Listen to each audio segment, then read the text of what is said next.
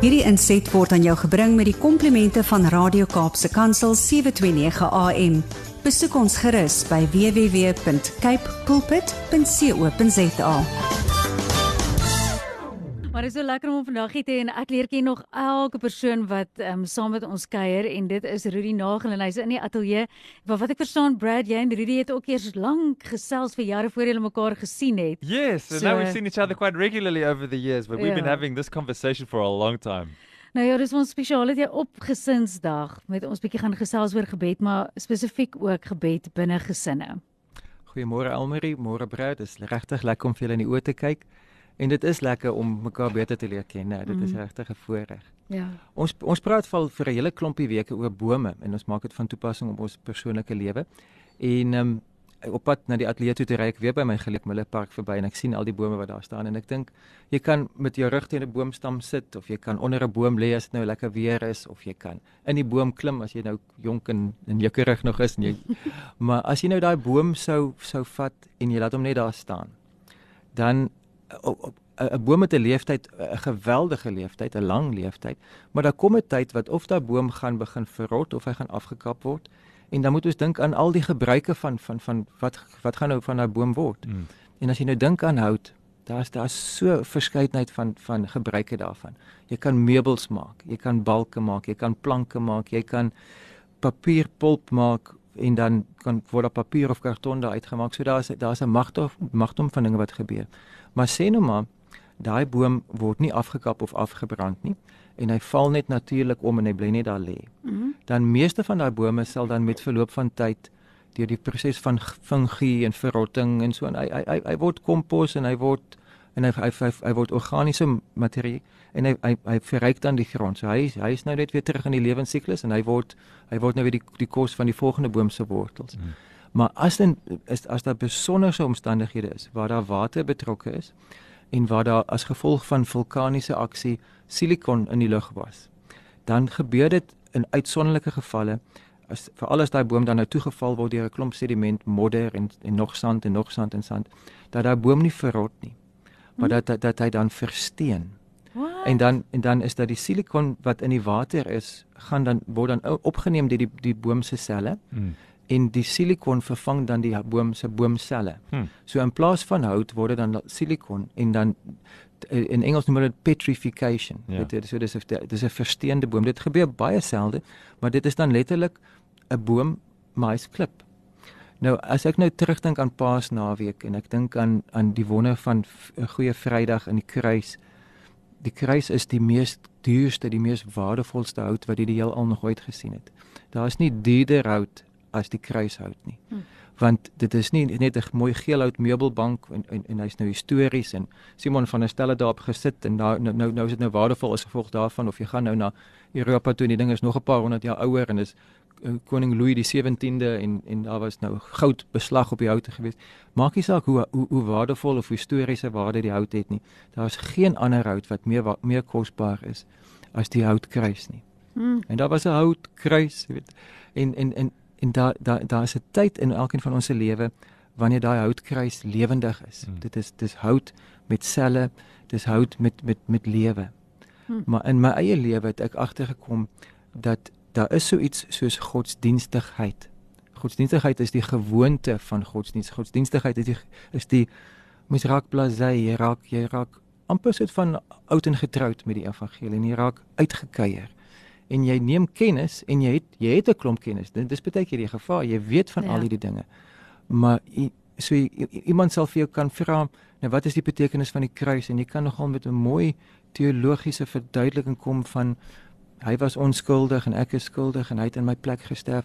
Alles is waarheid en alles is kosbaar, maar as jy dit sê sonder lewe Mm. en as jy dit begin herhaaldelik sê sonder lewe, dan word godsdienstigheid word die teelaarde vir versteening.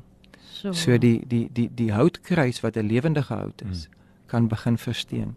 Nou dis daar's miljoene selle in in in 'n boomstomp en daar is duisende geleenthede vir ons om lewendig te wees met die Here. Elke keer as ons ons Bybel opvat, elke keer as ons met hom gesels, elke keer as ons fellowship soos wat ons nou lekker met mekaar kan deel, dan kan dit 'n lewendige gesprek wees en dit kan 'n waardevolle kontak wees en ons harte kan oop en, en ontvanklik teenoor die Here wees. Maar mens kan partykeer ook net business as usual. Jy kan net aangaan met die lewe en jy kan net aangaan met met gewoontevormende gedrag. Al die regte dinge. Jy is eerste by die kerk en laaste weg en jy's sit voor op jou plek of jy doen jou ding en jy jy jy, jy gaan you going through the motions. Hmm. Maar jou hart word stukkie vir stukkie versteen. Want dit is dit is dis 'n dooie herhaling, dis nie 'n lewendige kontak nie. En ek wil vandag vir myself en dan vir julle en vir elkeen wat my stem hoor, wil ek uitdaag dat daar is 'n daar's 'n ander kant. Ons hoef nie te verstaan nie. Hmm. Want daar is iemand wat ons verstaan. Ons hmm. hoef nie te verstaan nie hmm. want hy verstaan. Hmm. Jesus verstaan dat ons is gewoon mense van gewoonte. Hy verstaan dat ons hou daarvan om patroontjies te hê en gewoontes te vorm en hy, hy verstaan dat ons hou van rotine en ons ons hy hy hy, hy ken ook die lewensiklus. Hy weet mense gaan deur hulle middeljare en hulle raak so 'n bietjie minder ambisieus of hulle raak bietjie so hy hy hy ken ons ins and outs as mensdom. Hy ken ons as mensdom, maar hy ken ook vir jou en vir my as individu. En hy verstaan vir dit. He gets me. Hy hy hy weet ek ek ek het 'n skierige brein, maar ek het nie noodwendig die mees committed lewenstyl nie. Hy, mm. hy hy hy ken my swakhede, hy ken my tekortkominge en hy hy verstaan en as ek as ek dan toelaat dat ek my hart oopmaak vir hom dan kom spoel hy my met lewende water vat al daai stukkie silika uit my uit my versteende selle uit en daardie versteende houtkruis in my hart word vervang met 'n lewendige hout hmm. en dit en en en lewendige hout is ook hout wat vrugte dra en dan kom dit weer terug by die blare en die blomme en al die dinge wat ons van tevore al gepraat het want daar is dan tekens van lewe hmm. hmm. en ek wil net voordat ons saam bid en voordat ons afsluit in, in vandag vandag se gesprek, wil ek 'n stuk getuienis gee van dat Jesus verstaan. Ek was hierdie naweek saam by ons gemeente se Paaskamp gewees, so bevoorreg gewees om Vrydag, Saterdag en Sondag sulke wonderlike sessies te hê om ons het spesifiek gepraat oor vergifnis. Hmm. En die Vrydag aand is ek en 'n klompie mansvriende is ons besig daar in die eetsaal besig om 'n broodjie te hap en oor 'n koppie koffie deel ons met mekaar en een van die ander manne in die gemeente wat ons al jare ken, maar ken hom van sien. Ek, ek hmm. ken sy naam, ek ek sal hom herken tussen 'n groep mense, maar ek en hy het nog nooit regtig woorde gedeel nie. Ons het nog nie lewe we didn't we haven't shared life in any way before. En hy kom uit die bloutheid en hy kom deel met ons hoe hy in 'n aktiewe huweliksbediening was jare gelede in 'n ander in in 'n ander deel van die land. Maar daar was in sy eie huwelik was daar hakplekke geweest En te midde van die feit dat hy in 'n huweliksbediening was, was daar 'n derde party in 'n huwelik gewees en daar was huweliksontrou gewees en hy het in 'n diens dan by ons gemeente onder die oortuiging gekom van sonde.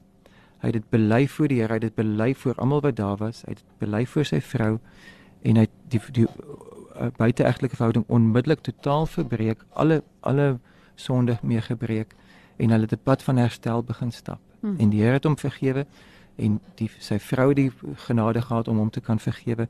Hulle huwelik is herstel en hulle is nou nog vir my 'n kosbare voorbeeld van mense wat nie net langs mekaar sit nie, maar hulle is by mekaar. Jy kan sien as hulle as hulle beweeg, hulle mm. hulle hulle, hulle lewe mm. saam.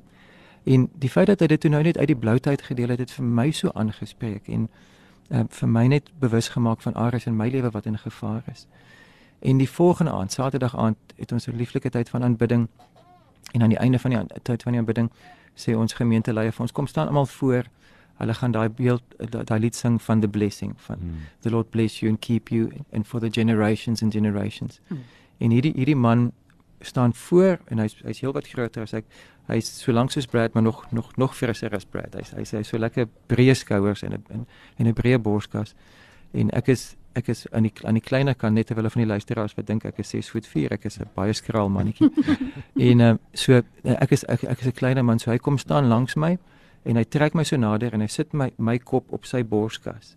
En die oomblik toe hy dit doen en ek hoor hierdie blessing van vooraf en ek besef hier's 'n man wat vergifnis ken. Hmm. hy hy het nie net gelees in die Bybel die Here het my vergewe nie. Hy besef dat sy huwelik is staande as gevolg van vergifnis. Wow. en hy weet dat sy sy kinders het weer verhouding met hom as gevolg van vergifnis. En hy weet dat hy is 'n vergewe man. Toe is die die versteende houtkruis in my hart wat sê ek verstaan vergifnis. Verkrummel en ek belewe hier is 'n voorbeeld van vergifnis want hy verstaan vergifnis. Jesus mm. verstaan my en in daai oomblik toe is dit nie meer hierdie man wat my vashou nie. Toe is dit vir 'n oomblik wat asof Abba Vader my vashou en ek breek. Mm. En ek is 'n ek is met met 'n klomp uh, persoonlikheid in 'n Duitse agtergrond waar ek ek is nie emosioneel ekspressief nie. Ek ek, ja. ek ek sal met my woorde my uitdruk, maar ek sal nie met my emosies eintlik en ek het die Here gevra om met my help om deur te breek in emosies.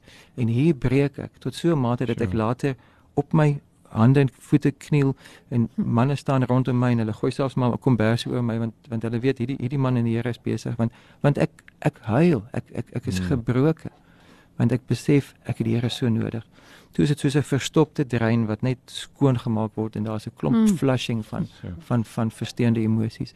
En ek weet die Here verstaan, maar ook, ook ek weet ook dat hy hy wil nou ek ek en hy moet 'n pad verder stap en sê hierdie verstopping moenie weer kom nie. Hierdie versteening moenie weer kom nie. Hy verstaan. Mm. So as ek nou gaan bid, wil ek vir elkeen uitnooi om saam met my vir die Here te nooi om in jou lewe in te kom. En ek het nie 'n pointing finger wat sê jy moenie verstaan nie. Ek het 'n uitnodiging van die Here wat sê hy verstaan my en ek wil jy moet ook verstaan. Die Here verstaan jou. Hmm. Kom ons bid saam. Ons Vader. Dankie dat U verstaan.